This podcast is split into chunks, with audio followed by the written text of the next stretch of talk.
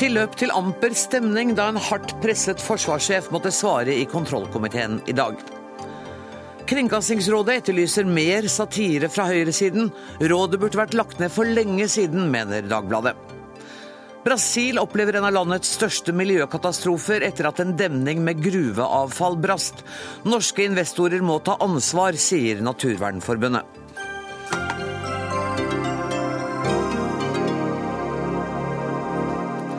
Dette er noen av sakene i ukas siste utgave av Dagsnytt 18, der vi også skal høre mer om Black Friday.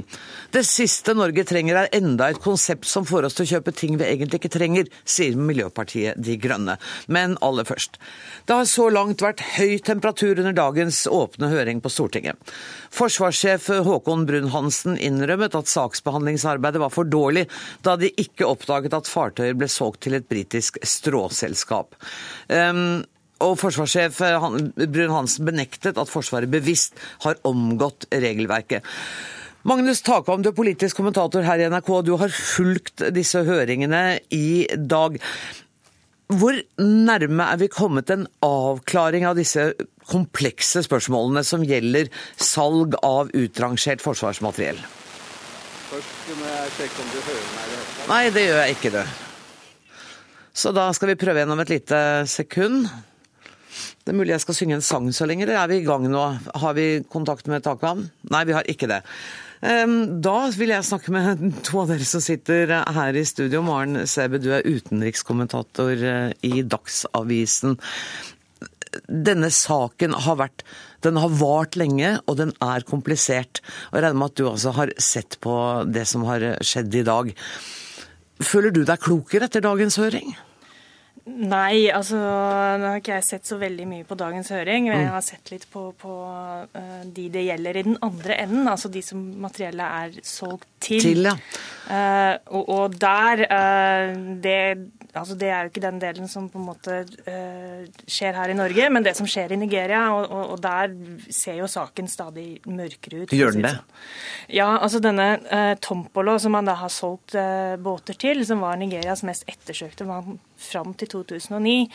Han eh, sitter jo i dag og har blitt milliardær og, og på slike sikkerhetsselskaper, og sitter jo nå eh, i en rolle hvor han dels truer og dels prøver å si at han er en slags mekler mellom da et eventuelt nytt opprør i Nigerdelta og de myndighetene i Nigeria. Det er interessant. Altså det, det er viktig at vi presiserer at Norge har ikke solgt disse skipene direkte til ham Nei. eller til opprørsgrupper i Nigeria. Nei. Det har altså skjedd via et stråselskap, og det er på en måte det saken handler om. Mm. Men fortell meg, vet vi hva som har skjedd i Nigeria med det norske materiellet? Det norske materiellet eh, skal brukes, eller det som, som eh, det er meningen at det skal brukes som, er til å uh, patruljere nigerianske farvann, og spesielt da rundt oljevirksomheten, både i Nigerdelta og også utenfor Nigerdelta. Det eh, som de båtene også kan brukes til, er selvfølgelig inne i Nigerdelta og eh, brukes mot det man kan kalle rivaler av Tompolo. Eh, og Eh, siden han nå på en måte har fått de båtene, siden, eller de selskapene han driver har disse båtene, eh, så, så kan man jo se at man har gitt en eh, av de som på en måte har mest potensial for å lage mer krøll mm. i Nigerdelta, en, en, en fordel i den eventuelle krigen. Og Vi skal se litt på konsekvensene av, av, dette som har skjedd. Mats Harlem, du er juridisk rådgiver i Norges Røde Kors. Og du er opptatt av den lovmessige siden av eksport av norsk forsvarsmateriell. Um, det hevdes at vi har strengt regelverk på dette området. Er det strengt nok?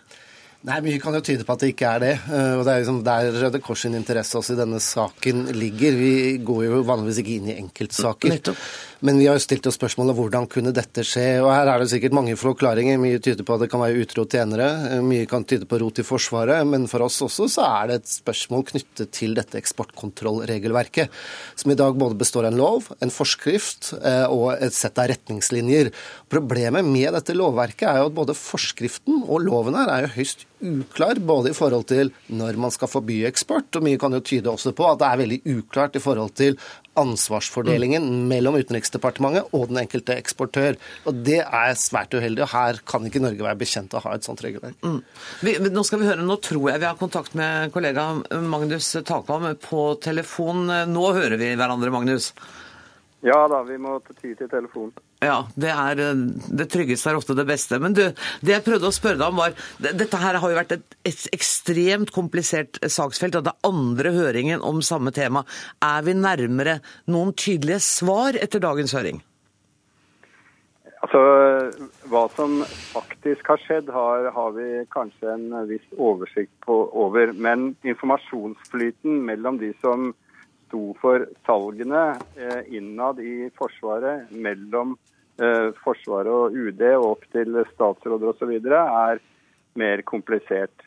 Eh, det som jeg tror er en, en, en viktig faktor for å forstå dette noe bedre, er at det forsvarsmateriellet vi snakker om her, som er det mest kontroversielle, er jo dette salget av marinefartøyer og andre fartøyer til Nigeria. Mm. Eh, det er snakk om definert som sivilt eh, materiell. Og dermed er det behandlet på en annen måte enn det ville gjort eh, eh, som militært materiell. Da ville det vært et eh, mye strengere regime og mye strengere kontroll. I mellomtiden eh, så har man jo da også endret instruksen og reglene på dette området, slik at fra nå av, eller fra i fjor av, så blir alt Eh, utrangert forsvarsmateriell eh, definert som én gang militært, alltid militært. Mm. Og Da er det åpenbart at eh, inntektene fra salget vil også gå ned, fordi det blir mange færre kjøpere, et mye mindre marked for det norske forsvarsmateriellet. Men nettopp, Har du forsvarssjef Håkon Brun-Hansen i nærheten av deg nå? Ja. Kan jeg få snakke litt med ham? Ja, det er Brun Hansen. Ja, det er Anne Grosvold i Dagsnytt 18. Jeg er så glad for at du tok deg tid til å være med oss litt på telefon. Det har vært en strevsom dag, helt åpenbart, eh, for mange i dag. Men jeg må først eh, spørre deg, hva sier du til påstandene om at Forsvaret faktisk ikke har fulgt regelverket? Ja, det er jeg jo uenig i. Eh, vi har gjort vårt ytterste for å følge regelverket. Og vi går jo nå tilbake igjen og dobbeltsjekker alle sakene til 2002 for å forvisse oss om det. Men det har vært en utfordrende periode med svært mange salg og få medarbeidere som har gjennomført det. Mm. Det ble antydet fra eh, et av kontrollkomiteens medlemmer i dag at det ikke bare hadde vært manglende kontroll fra Forsvarets side, men at det kanskje kunne være snakk om en villet handling som gjorde at man ikke skulle oppdage det som skjedde. Hva sier du til det? Ja, jeg har ikke fått noe som helst indikasjoner fra personellet som har jobbet med dette. Ei heller av de kontrollene vi har gjort til nå. Eh, avslørt eller på noe som helst måte gitt oss tegn på at dette har vært villet. Eh, men som jeg har innrømmet i høringen, vi burde ha sjekket kjøperne bedre enn det som ble gjort. Og som tolldirektøren sa det så fint, eh, i den bransjen her så må man ha en kultur som er genuint mistenksom fra første øyeblikk. Mm. Den kulturen er noe vi har lært av i den siste prosessen, og at dette er jo noe av det vi nå prøver å korrigere. Og få inn en større grad av mistenksomhet til kjøpere i et brukt marked. Forsvarssjef, har du i dag fortalt komiteen alt du kan fortelle for å belyse denne saken på best mulig måte? Ja, vi har ingenting vi ønsker å holde borte fra komiteen. Vi har gitt dem all informasjon som vi sitter på. Eh, med vår kunnskap og erfaring og våre vurderinger på den informasjonen. Kan du gi telefonen tilbake til Magnus Takholm? Jeg føler at vi lager sånn radio fra 50-tallet nå, men kan du gjøre det for meg? det skal jeg gjøre. Takk skal du ha, forsvarssjef Håkon Brun-Hansen. Eh, Magnus Takholm, denne høringen er jo ikke slutt enda i dag. Hvem er det som nå sitter og blir utspurt? Nei, Nå er det tidligere utenriks- og forsvarsministre fra den rød-grønne perioden. Altså eh, Johan Gahr Støre, Anne Grete Strøm-Eriksen og Grete Faremo. Og så kommer da utenriksminister Børge Brende og forsvarsminister Ine Marie eh, Eriksen Søreide etterpå. Mm. Dere skulle vært ferdig halv åtte i kveld, det ligger vel ikke an til det?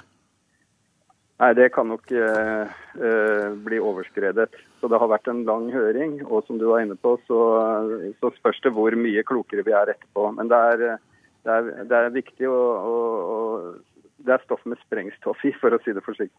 Mener du politisk sprengstoff, eller mener du det på noen annen altså måte? Altså nei, altså en, en, en, Et trekk ved denne høringen er at man øh, Det er øh, interne eller beskyldninger mellom aktørene i dette feltet som er meget kraftige. De, til dels veldig personlig sterke beskyldninger om både løgn og, og direkte motstridende påstander. Slik at det er et virvar av, øh, av beskyldninger som avgjør Tror du på den ene eller tror du på den andre? Det vil avgjøre hvor alvorlig saken er.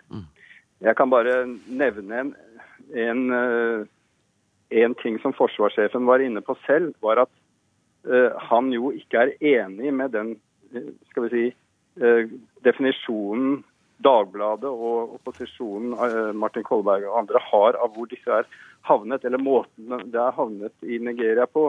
Han definerte i høringen i dag den aktiviteten som disse tidligere marinefartøyene opererer i, som helt legal sivil eh, fart og, og kontroll utenfor uh, kysten av Nigeria, og ikke liksom uh, i en paramilitær kontekst. Og Det er jo en helt annen forståelse enn det veldig mange andre har. Så det er også en del av debatten.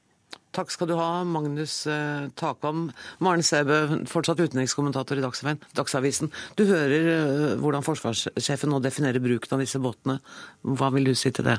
Det er for så vidt rett i seg selv. Altså, eh, Tom Polo fikk amnesti i 2009 når de inkorporerte da tidligere paramilitære i styrkene, så å si, som nå patruljerer sine tidligere farvann. Ehm, så rent teknisk så er jo ikke Tompolo lenger en, en krigsherre, men, men, en slags han driver et privatsikkerhetsfirma privat sikkerhetsfirma og, og, har en tiårskontrakt med, med nigerianske myndigheter for å patruljere. Så formelt sett har forsvarssjefen helt rett? Så, så har han rett, men uh, spørsmålet er jo hvordan dette virker i, i, i praksis. Mm. Uh, og der er det mye som tyder på at Tompolo fortsatt er litt av en privat krigsherre, og at han også bruker da den kapasiteten han har, til, til å dels true eller gi råd til de nye myndighetene uh, mm. i Nigeria.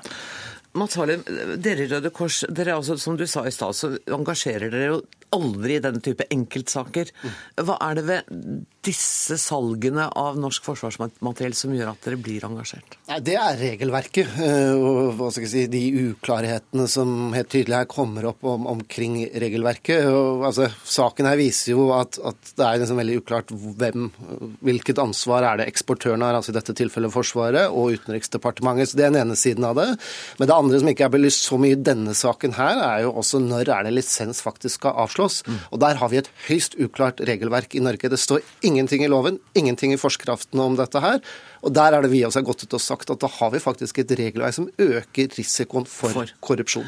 Men, men, hjelper det at man har endret reglene sånn at et militært skip eller et militært fartøy nå ikke kan bli sivilt? Er det militært, så er det militært? Ja, altså Det har jo klargjort i forhold til hva og når er det det er lisenspliktig, men man har jo ikke kommet noe nærmere å greie å definere hvilket ansvar er det den enkelte eksportør har i forhold til å kartlegge hva dette skal bli brukt til, og hva er det UD har. Der skjønner jeg at det er veldig mye uklarheter ennå. Og så er det altså igjen dette her med når er det det er uakseptabelt å eksportere, som det er svært beklagelig at vi ikke har noe i lovverk om. Og det kommer vi kanskje til å få etter dette? Ja, det er det vi også har vært engasjert oss veldig da. For vi syns jo det er veldig synd hvis dette havnet med at det bare er liksom utro tjenere. Her må også komiteen gå inn og stille seg spørsmålet har vi et regelverk i dag som Norge, staten Norge er verdig. Det mener vi at svaret er nei på, og det håper vi også at de greier å se. Og Det er ikke sikkert vi får svar på alle spørsmålene i løpet av kvelden, selv om komiteen kommer til å sitte lenger enn planlagt. Tusen takk skal dere ha, Mats Harlem og Maren Sæbø. Hør Dagsnytt 18 når du vil. Radio NRK NRK.no. Etter gårsdagens uttalelse fra Kringkastingsrådet om at NRK burde bygge opp et satire, satiremiljø med ståsted på politisk høyreside, er det ikke lenger tvil. Hele rådet bør legges ned, det skriver flere aviser på lederplass i dag.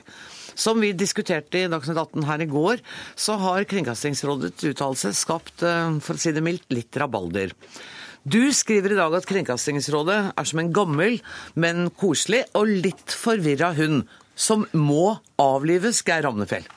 Ja, det gjør det. Det er i uh i uh, hva skal man si, diskusjonens ånd, som har jo vært litt munter, så valgte jeg å spissformulere meg på den måten. Men når du har, hvis vi går forbi spissformuleringen, så er det faktisk en holdning uh, du har. Ja. I Dagbladet så mener dere at Kringkastingsrådet bør nedlegges uavhengig av den uttalelsen fra i går. Ja, um det som skjedde i går, var jo at Kringkastingsrådet på en måte gikk på et isfjell. Dette var jo noe som vi eh, så komme for lenge siden. Jeg skrev om dette her i januar. Eh, jeg syns det er en, eh, en ordning fra en, fra en, annen tid som vi ikke trenger lenger i dag. Det er altså Kringkastingsrådet er et råd som skal sitte og tenke for NRK. Tanker som NRK lett kan gjøre selv. Ehm, de trenger ikke et organ som skal sitte og gjøre de etiske refleksjonene, eh, ta vurderingene rundt eh, rollen som allmennkringkaster. Det er en eh, type vurdering som NRK lett kan gjøre selv, og som jeg tror de har lyst til å gjøre selv også. Kringkastingssjefen vil jo legge det ned. ja, Han har ikke sagt det til meg, men han har, han har sagt det offentlig. Ja. Per Edgar Koppvold. Han har sagt at han kan leve med at rådet blir lagt ned. Ja, okay. okay. Det var Koppvold som snakket der. Per Edgar Koppvold, du er leder av dette rådet. Og det kan ikke ha vært en veldig enkel dag for deg i går å gå inn for at vi skal ha en balansert satire i NRK. For hvis det er noen jeg vet om som har kjempet for den frie satire, så er det jammen deg. Men nå er det slutt. Nei, det gjorde jeg i går, og det gjorde jeg på forrige, Nei, det gjorde du ikke. Jo, på forrige møte i Kringkastingsrådet også. Jeg sa at, eh, vi, at NRK trenger å verne om den spisse, saftige eh, satire som salongen representerer. Vern, må verne. Jørgen Strikkert. Ja. Og skape mer venstre, eh, venstreorientert satire. Men så sa rådet at det er kanskje en fordel, ikke minst for NRK, om man også skaper et miljø eh, for Eh, hvor det er noen som slår til venstre. Altså et, et, et, høyre, høyre, et høyreorientert satiremiljø. Det er jo opp til NRK å gjøre. Det som jeg forventer altså Naturligvis så blir det mye støy og mye raljering i dag når, når, noen snakker, når rådet uttaler seg om det, satire. Ja, det kan ikke ha overraska deg? Nei, overhodet ikke. Jeg regna med alt sammen. Det ja, som, over, det som overrasker meg litt, altså, det er når, eh, når flokkdyrene i Akersgata og, og ellers eh, Eh, snakker om at eh, NRK har pålagt, eller at rådet har pålagt NRK å lage høyrehumor.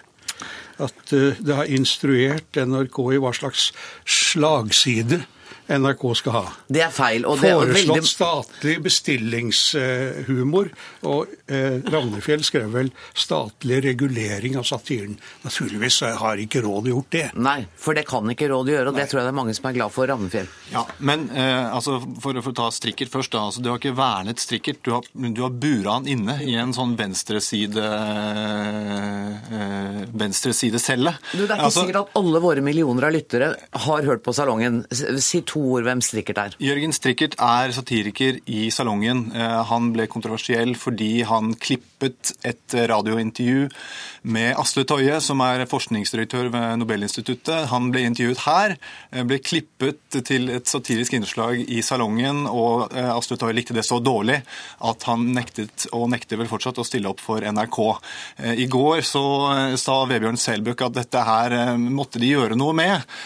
De kunne ikke ha det sånn at folk ikke stilte opp i NRK. og Dermed var det kanskje på tide at vi hadde et alternativ til Jørgen Stikkert og til den venstrevidde satiren i NRK. Men altså... Satiren skal jo være fri. Du kan ikke, du kan ikke opprette eh, satireavdeling høyre og venstre.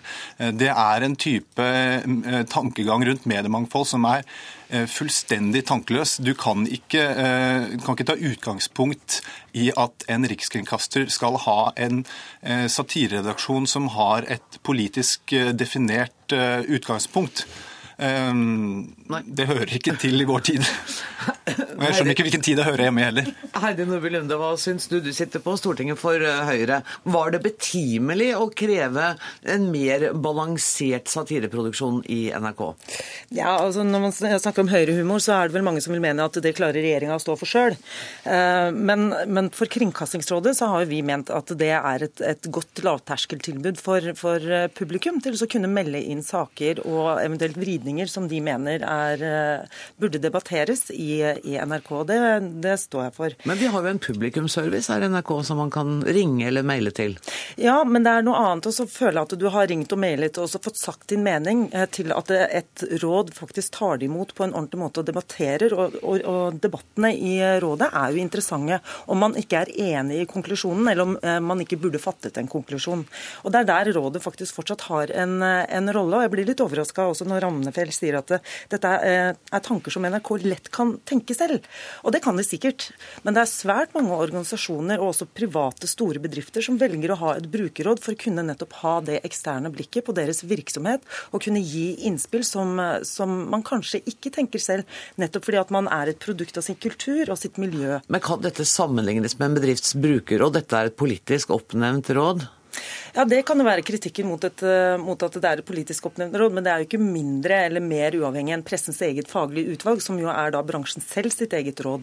Så Sånn sett så kan vi jo diskutere både mandat og innholdet i, det. Jeg skulle gjerne hatt en endring i det med at NRK skal være balansert over tid, til at NRK skal være balansert. Punktum. Mm. Så vi kan godt diskutere det, men om eh, rådet bør bestå, der mener jeg i hvert fall at de klarte ja. Ravnefjell først. Ja, jeg, altså jeg vil si det at eh, Kringkastingsrådet eh, stammer fra en tid hvor vi hadde et mediemonopol hvor det var vanskelig å komme til orde. Eh, siste gang det ble nedfelt i lov, var før TV 2 kom på lufta. Eh, I dag så er det jo sånn at eh, NRK sliter med å være en av de som utmerker seg i negativ grad når det gjelder fellelser i PFU. Og Det er en slags villfarelse å tro at, at etiske refleksjoner og refleksjoner rundt sin egen rolle som allmennkringkaster eller sin egen programprofil skal outsources til et organ utenfor redaksjonen selv. Eh, det er det samme prinsippet som man har fulgt i noen avisredaksjoner med en etikkredaktør. Og det har i mange tilfeller vist seg lite vellykka. Det var det lite vellykka i Dagbladet. Det har vi nettopp fått her i NRK også. En egen etikkredaktør. Ja, jeg tror det er, altså, en, Den etiske refleksjonen må være som en ryggmargsrefleks gjennom hele organisasjonen. Ikke bare, Du trenger ikke å gå til dette rådet for å høre hva, hvilke rammer opererer vi innenfor. Det, det er rammer som skal diskuteres hver eneste dag i eh, NRK selv.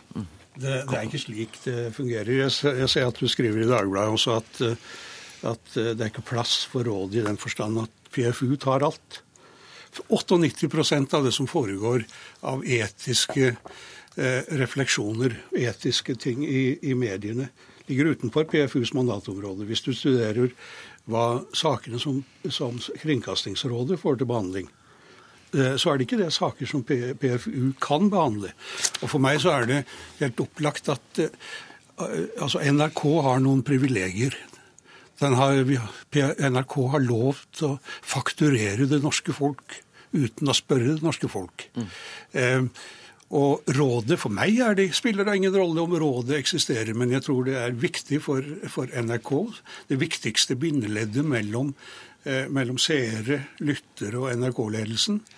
Det er eh, publikums eh, forlengede arm inn i kringkastingen. Altså, Du snakker om, eh, du snakker om publikumsservice. La oss si at du får 100 000 henvendelser som registreres. Det skjer ikke noe annet.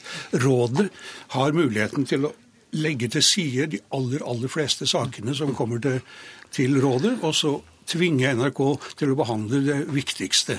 Og vi pålegger ikke NRK noe som helst. Nei, for det kan dere ikke. Men vet dere hva, kjære venner, tida er for lengst gått. Uh, Rammenfjell, hadde du tenkt ti sekunder si på slutten? Altså, man trenger jo ikke et råd som vurderer disse sakene som ikke faller i PFU, når de konkluderer med å opprette et høyreorientert satirisk program. Det er, der, det er derfor vi sitter her. Vi har ikke gjort det. ok, tusen takk for at dere kom, eh, Heidi Nordby Lunde, Per Edgar Kokkvold og Geir Rammefjell.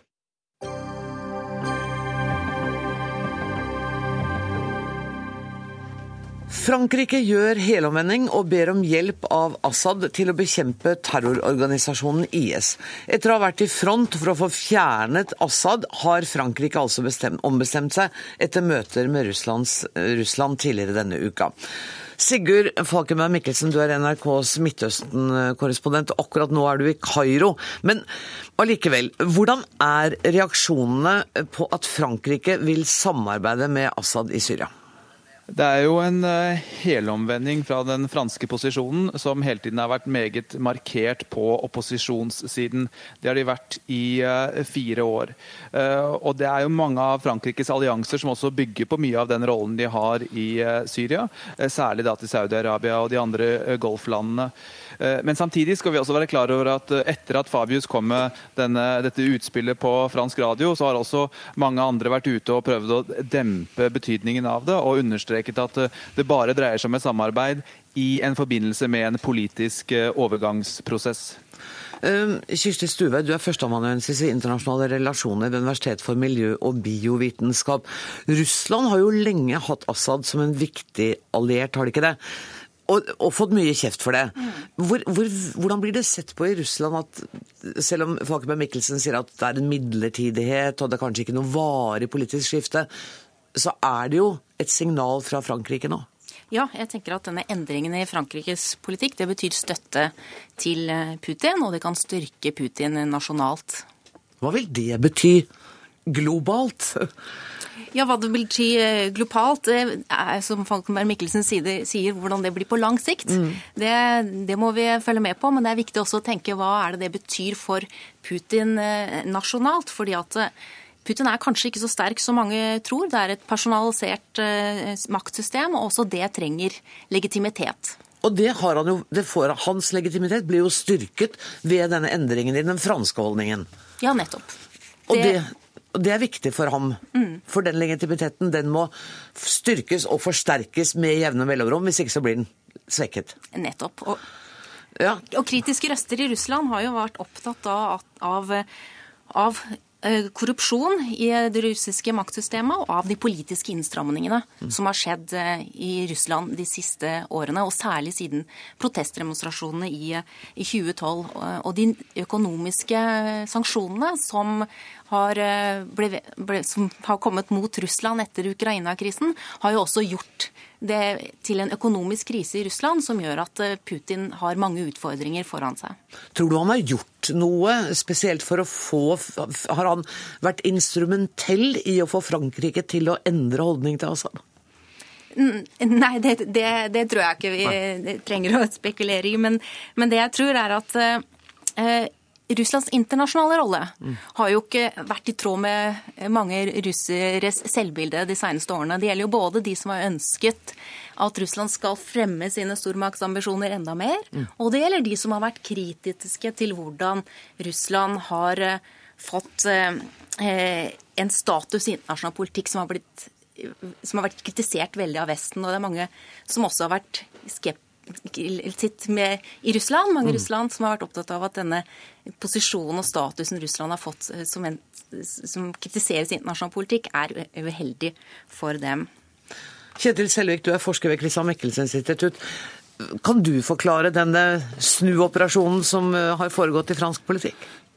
Jeg, vet, jeg tror ikke dette er en så stor helomvending eller en snuoperasjon som det gi, kanskje gis inntrykk av her. Jeg tror ikke dette dreier seg om en endring i Frankrikes holdning til Assad. I, I, hvert fall ikke det siste. Det, det dreier seg selvfølgelig om en endring til hvordan man tenker rundt konflikten og hva man, er, hva man, er, villig til å gjøre i kampen mot IS. Og Det at Fabius sa dette nærmest i en bisetning, er selvfølgelig viktig å si noe om, om, veien videre. Men jeg tror ikke den franske holdningen til Assad er grunnleggende endret. Jeg tror vi må se dette utspillet i sammenheng med at det kommer på et tidspunkt hvor Russland er veldig oppbrakt over nedskytingen av et jagerfly, som gjør at Putin nærmest har truet med å bryte samarbeid med en internasjonal koalisjon eh, i kampen mot IS. Og så har han et pressmiddel på Frankrike, på Tyrkia, på andre. Og det er at han kan bombe opprørsgrupper som Frankrike og da i særdeleshet Tyrkia ser som, som, allierte og faktisk ser som en del av løsningen i Syria. Slik at Frankrike ser fortsatt på den frie syriske hær som en del av løsningen og fremtiden i Syria. Men Putin kommer og sier jeg kan bombe disse eh, eh gruppene i stykker, slik at vi står igjen med bare regimet og IS, hvis ikke dere gir meg noe. Og Det er nettopp det Frankrike har gjort i dag. De har gitt eh, Putin noe det har gitt en hentydning til om at Assad ikke eh, nødvendigvis vil eh, bekjempes med, med, alle midler, men at man åpner for at det kan være et forhandlingsløsning. Så det er også et element av at Hollande her drar verden rundt for å prøve å samle en, en internasjonal koalisjon mot, i kampen mot IS. Og Det innebærer en militær komponent. Man vil ha land til å kjempe mot IS. Men man tenker også at man skal eh, rotfeste dette i, i Sikkerhetsrådet, i FN-systemet. Mm. Og Da skjønner også Frankrike at man vil aldri få en resolusjon i Sikkerhetsrådet som åpner for bruk av makt i Syria, som ikke på et eller annet nivå legger til grunn at syriske myndigheters suverenitet er det bærende prinsippet. Det vil aldri Russland gå med på. Slik at Det er i den sammenheng jeg leser dette utspillet til Fabius, at han prøver å si for, med, nei, for Russland med på noe som også kan passere i Sikkerhetsrådet. Sigurd Falkenberg Mikkelsen, Assad er for å si det mildt en omstridt eh, leder. Er hans posisjon vesentlig styrket ved at Frankrike nå signaliserer at de vil hjelpe ham å bli kvitt IS?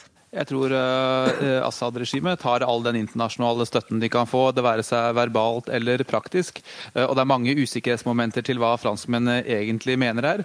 Vil de f.eks. Uh, starte et etterretningssamarbeid med syrerne uh, for da å få bedre etterretning mot IS? Det er mulig, men jeg tviler vel på det, i hvert fall på, på kort sikt. Og så er det også det faktum at Syria, Frankrike har virkelig prøvd å etablere et godt forhold til, til, Assad. Frankrike er den gamle kolonimakten.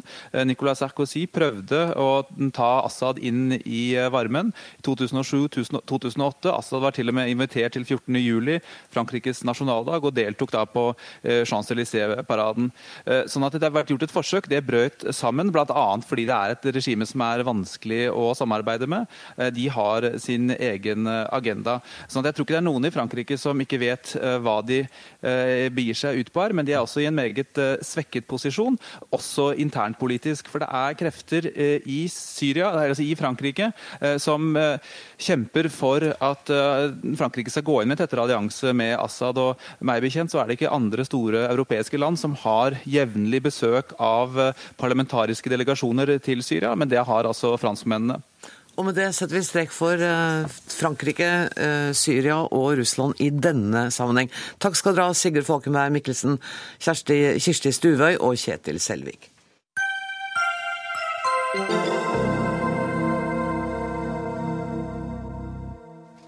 Dansende julenisser som kaster ut luksuskjoler til kunder. Folk som kjører langs grøftekanten for å slippe køer.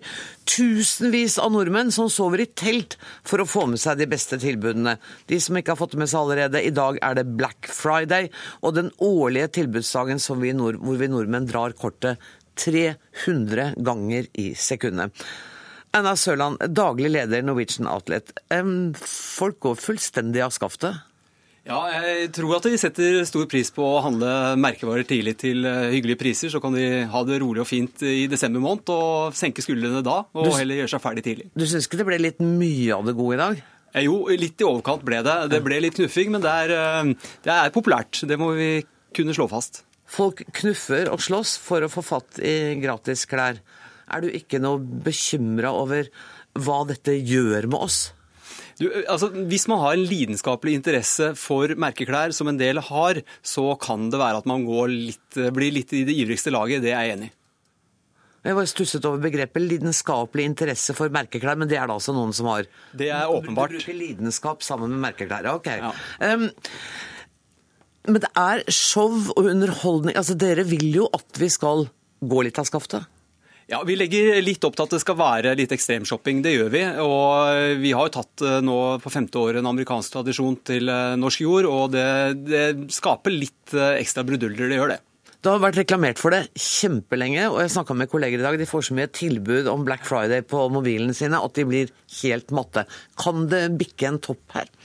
Det kan godt være. Jeg kan ikke svare helt for hele detaljhandelen. Men eh, for, for, for, vår del så tror jeg ikke kanskje helt eh, toppen er nådd. Men det er jo en kapasitetsbegrensning som vi prøver å tilrettelegge for, da. Hilde Opoku, du er nasjonal talskvinne for Miljøpartiet De Grønne. og Jeg går ut fra at du ikke har et lidenskapelig forhold til gratis merkeklær? Nei, det har ikke jeg. Og det er jo ikke bare merkeklær som er blitt solgt på tilbud i dag, det er alt mulig slags varer. Og når det er dagens produksjon og forbruksmønster som er hovedårsaken til de store klima- og miljøproblemene vi har globalt, så er det ikke et sånt konsept som er med på å dra opp forbruket enda mer vi trenger. Men det er én dag i året det er snakk om? Nå står vi på terskelen til en uh, høytid som på mange måter handler om forbruk i i Norge. Og det syns vi er en veldig tankevekker, at vi skal gå inn i den høytida med sånt, en sånn forbruksfest. Og så er det jo da også en markering, så her blir det omtalt i veldig positive ordelag, det at man går bananas for å få tak i, i billige varer. Eh, vi mener at vi heller bør gå fra en Black Friday til en Green Friday. Eh, en markering av at det går an å velge andre verdier for livsførselen sin. Sørland nikker når du snakker nå. Du sitter i et annet studio, så du ser ikke det. Sørland, kunne du tenkt deg å vært med på det? En Green Friday? Absolutt. Vi har vært veldig positive til å la rekke etter for at man kjørte busser ut eh, og gjorde noe som var tilrettelagt på en helt annen måte, altså med gratisbusser osv. Helt klart, det hadde vært veldig veldig bra. Så, men, men dere ville kanskje... fortsatt selge, og det er jo det uh, Opoku mener ikke er riktig, da? Ja, Vi ville nok ikke valgt bort Black Friday, men vi kunne gjort uh, en Green Friday i tillegg. Det har vært fullt mulig. Men eh, denne tradisjonen da, som er henta fra USA, har jo også sitt motstykke i USA som heter Buy Nothing Day, eller kjøpefridag, som Framtiden i våre hender har drevet og markert i flere år på siste helga i november. Eh, og det er jo nettopp det med å legge til side dette kjøpepresset som vi mener er det viktigste, og heller fokusere på f.eks. kulturelle opplevelser, ut og spise en god middag sammen med dem du er glad i, eller fokus på varer med kvalitet og lang livstid istedenfor det billigsalget vi har sett i dag, på varer som vi kanskje egentlig ikke har bruk for i det hele tatt. Men jeg har lyst til å si at én ting er nå at eh, forretningslivet driver på med dette her, men det er jo også en stor politisk eh, diskusjon som ligger til grunn. Og det er dessverre sånn at det politiske flertallet i Norge faktisk har oppmuntra til dette her gjennom perspektivmeldinga fra 2013 hvor man oppfordrer til en tredobling av forbruket. Mm. Så det er jo en, en, generell, en grunnleggende holdning for norsk økonomi som vi mener at vi må nødt til å stille større spørsmålstegn ved her. Før vi tar hele den norske økonomien, så skal vi snakke litt med Gro Holm, som er NRKs USA-korrespondent. For det er jo derfra, det er jo fra dere, Gro, at Black Friday kommer. Og det går helt tilbake til 1800-tallet. Hvordan går debatten i USA om dette forbruksmønsteret? Ja, Det store flertallet her er nok uh, for å beholde Black Friday som en handledag. Men det går en del rundt hvor tidlig skal man åpne butikkene på thanksgiving. For det var jo i går, og eh, butikkene har eh, begynt å åpne tidligere og tidligere. Eh, rett etter at kalkunen er spist. Dette er jo den største nasjonale eh, fridagen eh, i, i USA. Eh, og en eh, butikk f.eks. holdt jo åpen fra klokka fire i går og er fortsatt åpen, har ikke stengt. 32 timer skal de holde på, helt til midnatt. Walmart åpnet klokka seks, så folk får knapt svelger kalkunen før de løper og kjøper.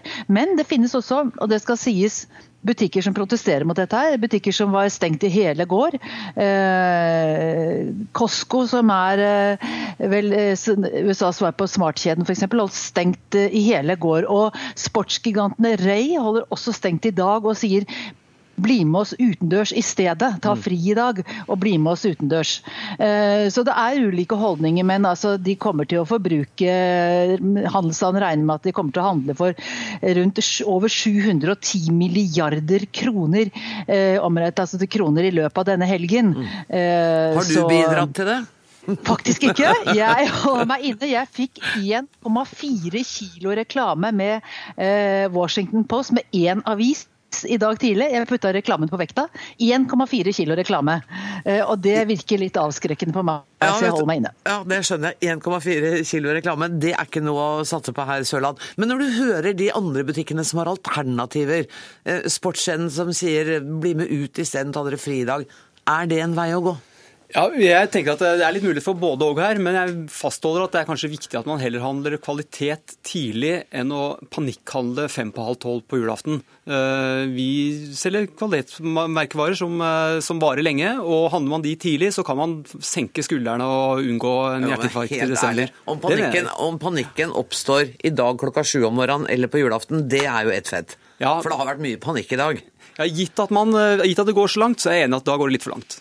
Uh, og Poke, du hører Gro Holm her sier at hun har fått 1,4 kilo uh, reklame i posten. Dette er jo ikke den veien vi skal gå. Men vil dere egentlig at vi ikke skal ha adgang til Black Friday i Norge? Vi syns ikke at det er et konsept som eh, vi har bruk for, fordi det er jo også med på å hausse opp det her kjøpepresset. Vi lever i en tid hvor mange av eh, ungdommene våre sliter med psykiske problemer fordi at de strekker ikke til. Det er så masse forventninger i samfunnet rundt dem. Det er helt andre verdier vi må satse på fremover. Så De Grønne har foreslått i Stortinget, og det vil komme en diskusjon nå i vinter, på hvordan kan vi klare å sette nye samfunnsmål for norsk økonomi. Hvordan kan vi innen 2030 nå bærekraftige mål. Mm. Men vi syns også at eh, butikkene må kjenne sin besøkelsestid og være med å ta et samfunnsansvar her. fordi at veldig mange av dem som har dratt ut i dag, har kanskje hatt som mål for øye en eller annen ting som de hadde bruk for eller lyst på, men ender opp i en suggesjon hvor de kanskje har kommet hjem med ting de overhodet ikke har bruk for. og Den suggesjonen syns jeg at eh, også næringslivet skal holde seg for god til å være med på å bygge opp under. Og den suggesjonen har vært sikkert gått over nå når klokka er ti over halv sju. Tusen takk for at dere var med, Hilde Opoku, Einar Sørland, og takk også til Gro Holm. Dagsnytt 18 alle hverdager klokka 18. På NRK P2 og NRK2.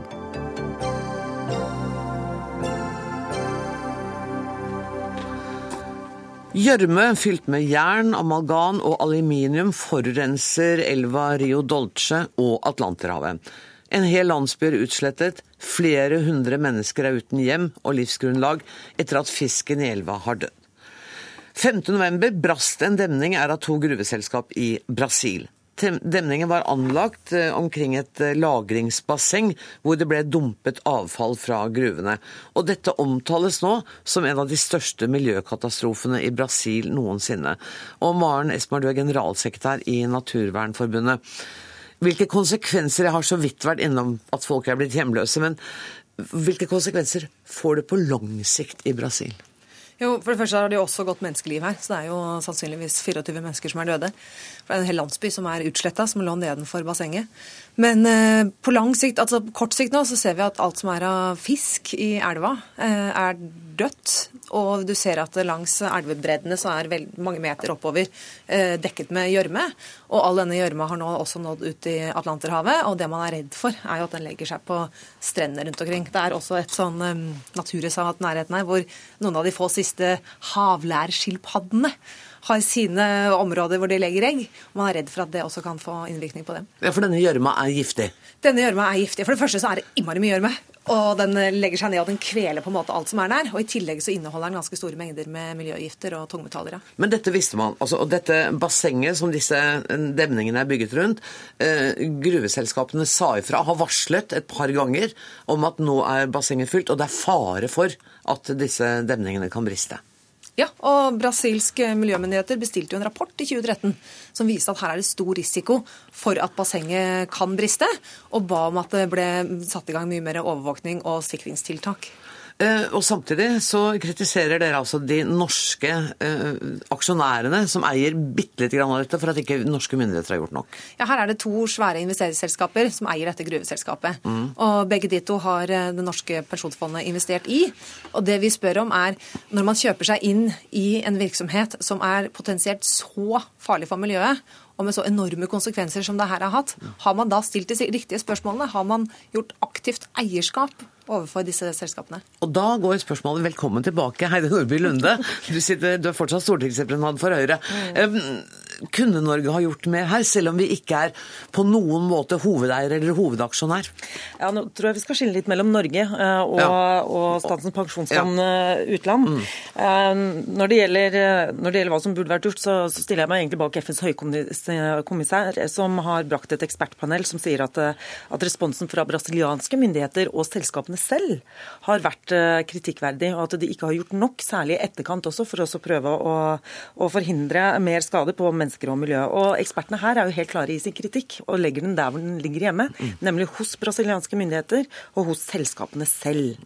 Så kommer vi til debatten om man som eier kan gjøre mer eller kan påvirke mer. Um, nå kjenner jeg ikke til og kan ikke kommentere enkeltsaker. Det skjønner jeg. Uh, men som, som, prinsipp så vet vi jo at, at pensjonsfondet, det norske pensjonsfondet har et veldig godt rykte på seg uh, i, utenfor, utenfor Norge, og er veldig langt framme når det gjelder styringsdialoger med selskaper som de er investert i, eh, for å få de til å følge de etiske retningslinjene som Stortinget har pålagt eh, eh, Pensjonsfondet. Og det forventer jeg at de, de gjør.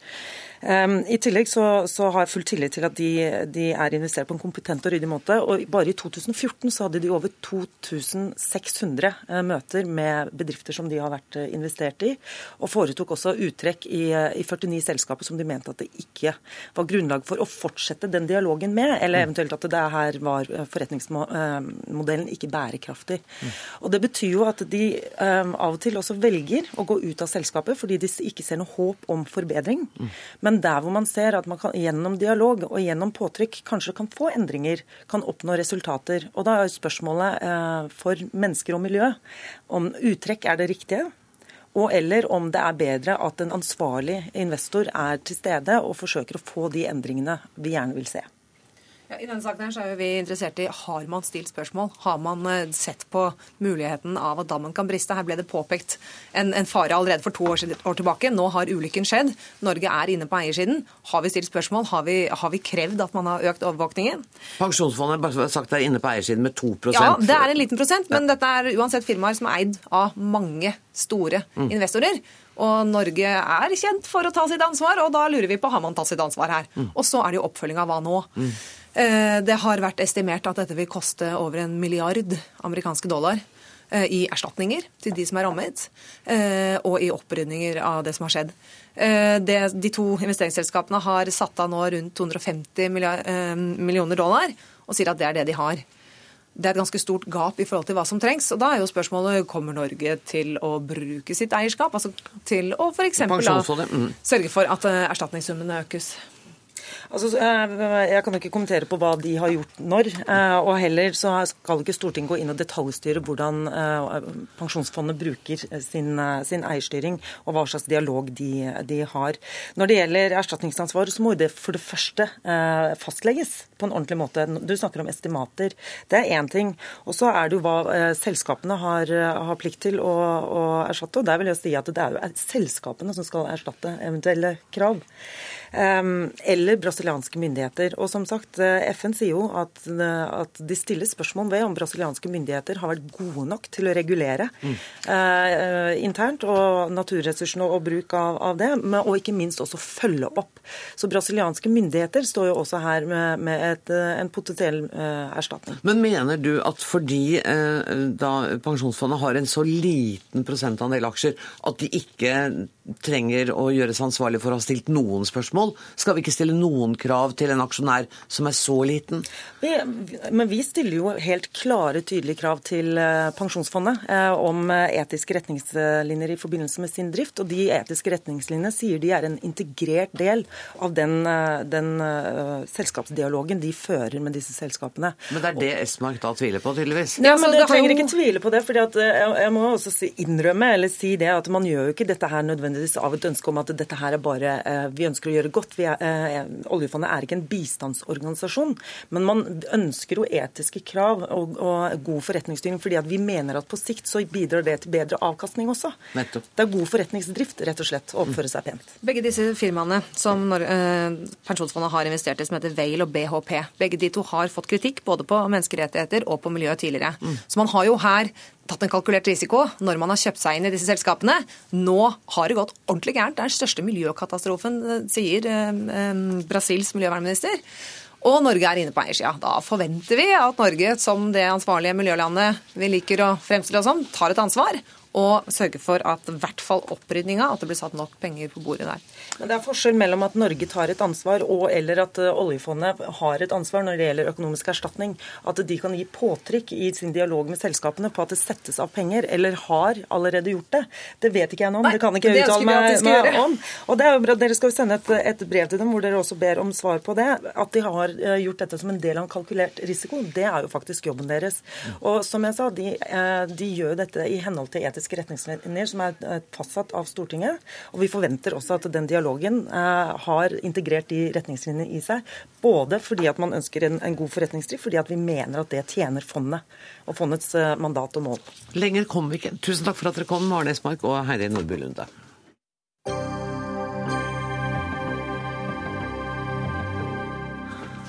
Flyktningkrisen utfordrer Schengen-samarbeidet. Midlertidige grensekontroller innføres flere steder i Europa, og mange mener at dette kan bety slutten på drømmen om et grensefritt Europa. Harald Stanghelle, redaktør i Aftenposten.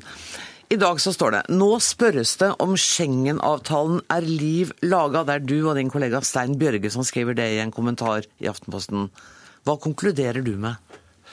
Eh, Jeg tror ikke Schengen eh, er liv laga hvis en med det mener eh, de åpne grensenes kontinent. Og det var jo selve drømmen, det var hensikten, det var eh, den egentlig fantastiske visjonen som Francois Mitterrand og Helmut Kohl hadde da de under en middag kom på ideen om det grenseløse Europa. Glimrende idé, flott idé, masse visjoner. Og så kolliderer det nå med en ny type virkelighet.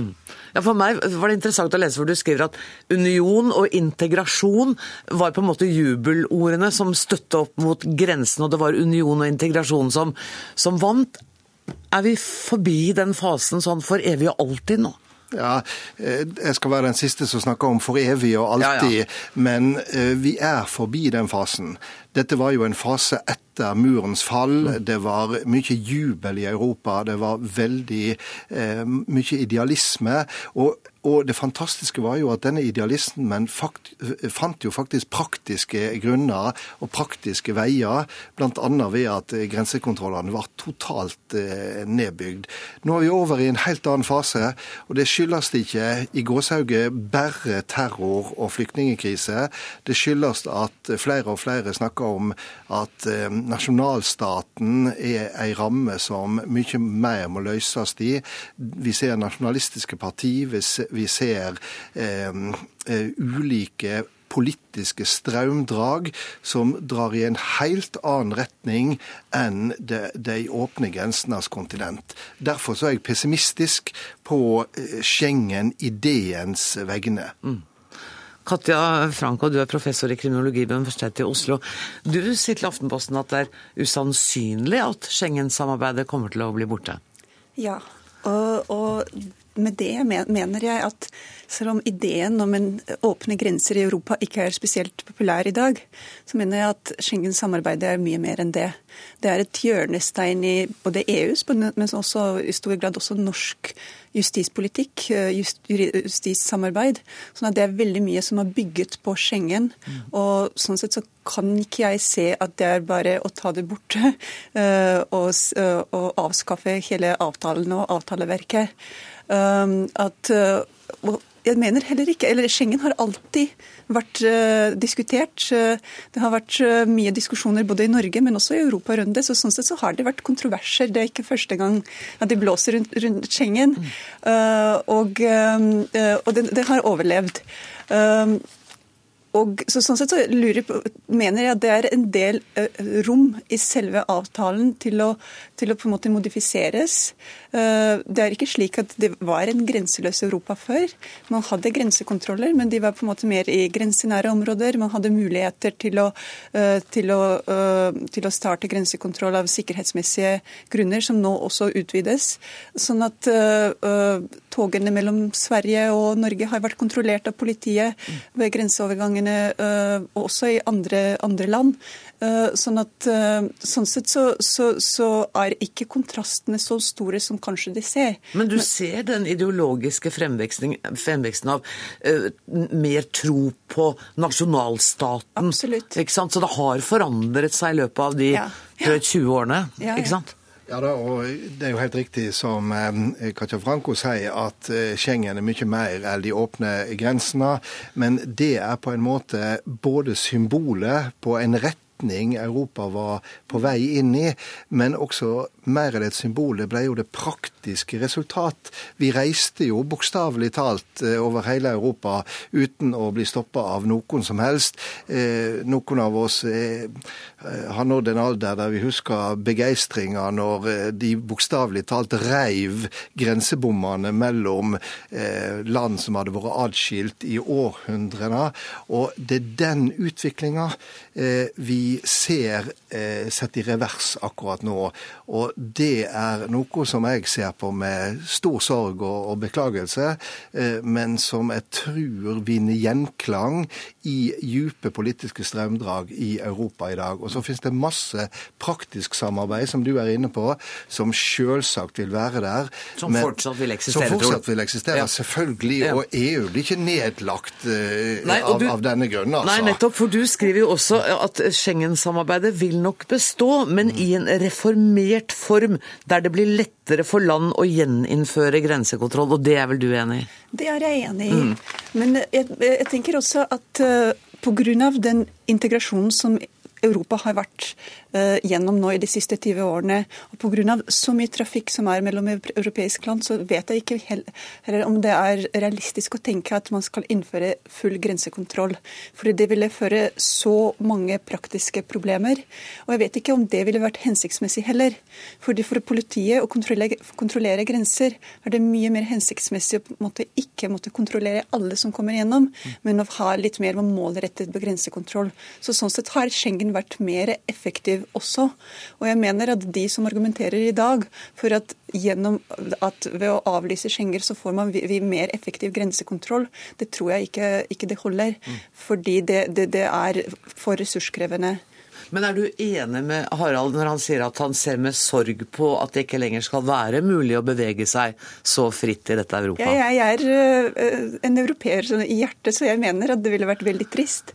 Uh, og det har vært en, uh, en, av de største hva skal man si, vinningene av europe, det europeiske prosjektet. Og det var eh, Jean-Claude Juncker, som du også siterer eh, i artikkelen din, eh, som, som, sa at hvis Schengen faller, så er det veldig mye annet som faller også. Han knyttet det til euro, at euro kunne falle hvis Schengen faller. Så jeg tror at det er på en måte mye som, som, som er på spill her, men også mye symbolpolitikk som ligger i, i det. Men det vi opplever nå, det er jo et Europa i en enorm brytningstid. Og det starta ikke med denne høstens eh, intensive folkevandringer fra sør til nord. Eh, det eh, starta med behandling av finanskrisa. Eh, EU var ikke akkurat i, i, i, god stand før denne høsten, og har det verre med seg sjøl enn noen gang. Blir utfordra av briter og dansker på innholdet i avtaleverk. Vi ser på en måte en brytningstid som kanskje kan være begynnelsen på slutten på en æra som eh, førte til EU-utvidelsen, og som førte til det åpne Europa som vi har hatt det privilegium å kjenne de siste årene. Men det risset dere tegner for meg nå, er et mer lukket Europa med sterkere nasjonalstater, eh, et Schengen-samarbeid som står i fare for eh, å gå i oppløsning, og en euro som kanskje blir borte. Dette var dystre toner på fredagskvelden, dere. Er, ser det virkelig så mørkt ut? Nei. Jeg vet ikke. Det, det, er veldig lett å, være, måte, å, å lage dystre spådommer i en krisesituasjon, og vi er i en krisesituasjon nå. Men jeg, eh, jeg, er i hvert fall ikke så pessimistisk på Schengen-avtalens vegne. I hvert fall, Men jeg tror at vi er på vei til en mer lukket og isolasjonistisk eh, Europa. Det tror jeg nok eh, er, er riktig. Vi ser et Europa som er mer delt mellom øst og vest, istedenfor forskjellene mellom nord og sør enn vi har sett på mange år. Vi ser eh, bokstavelig talt at det blir satt opp piggtrådgjerde igjen mellom eh, samarbeidende EU-land mm. eh, i Europa. Det er en ny hverdag vi har sett begynnelsen på. Vi får håpe det går bedre enn vi tror akkurat nå. Kan vi ikke håpe det, for det er fredagskveld og det er slutt på denne utgaven av Dagsnytt 18. Jeg skal eh, si tusen takk til Katja Frank og Harald Stanghelle. Og så skal jeg fortelle at det var eh, Ida Tune Øritsland som hadde ansvaret for denne utgaven av Dagsnytt 18. Det tekniske ansvaret har Hans Olav Hummelvold. Hans Ole Hummelvold. Jeg heter Anne Grosvold og ønsker dere alle en riktig god helg.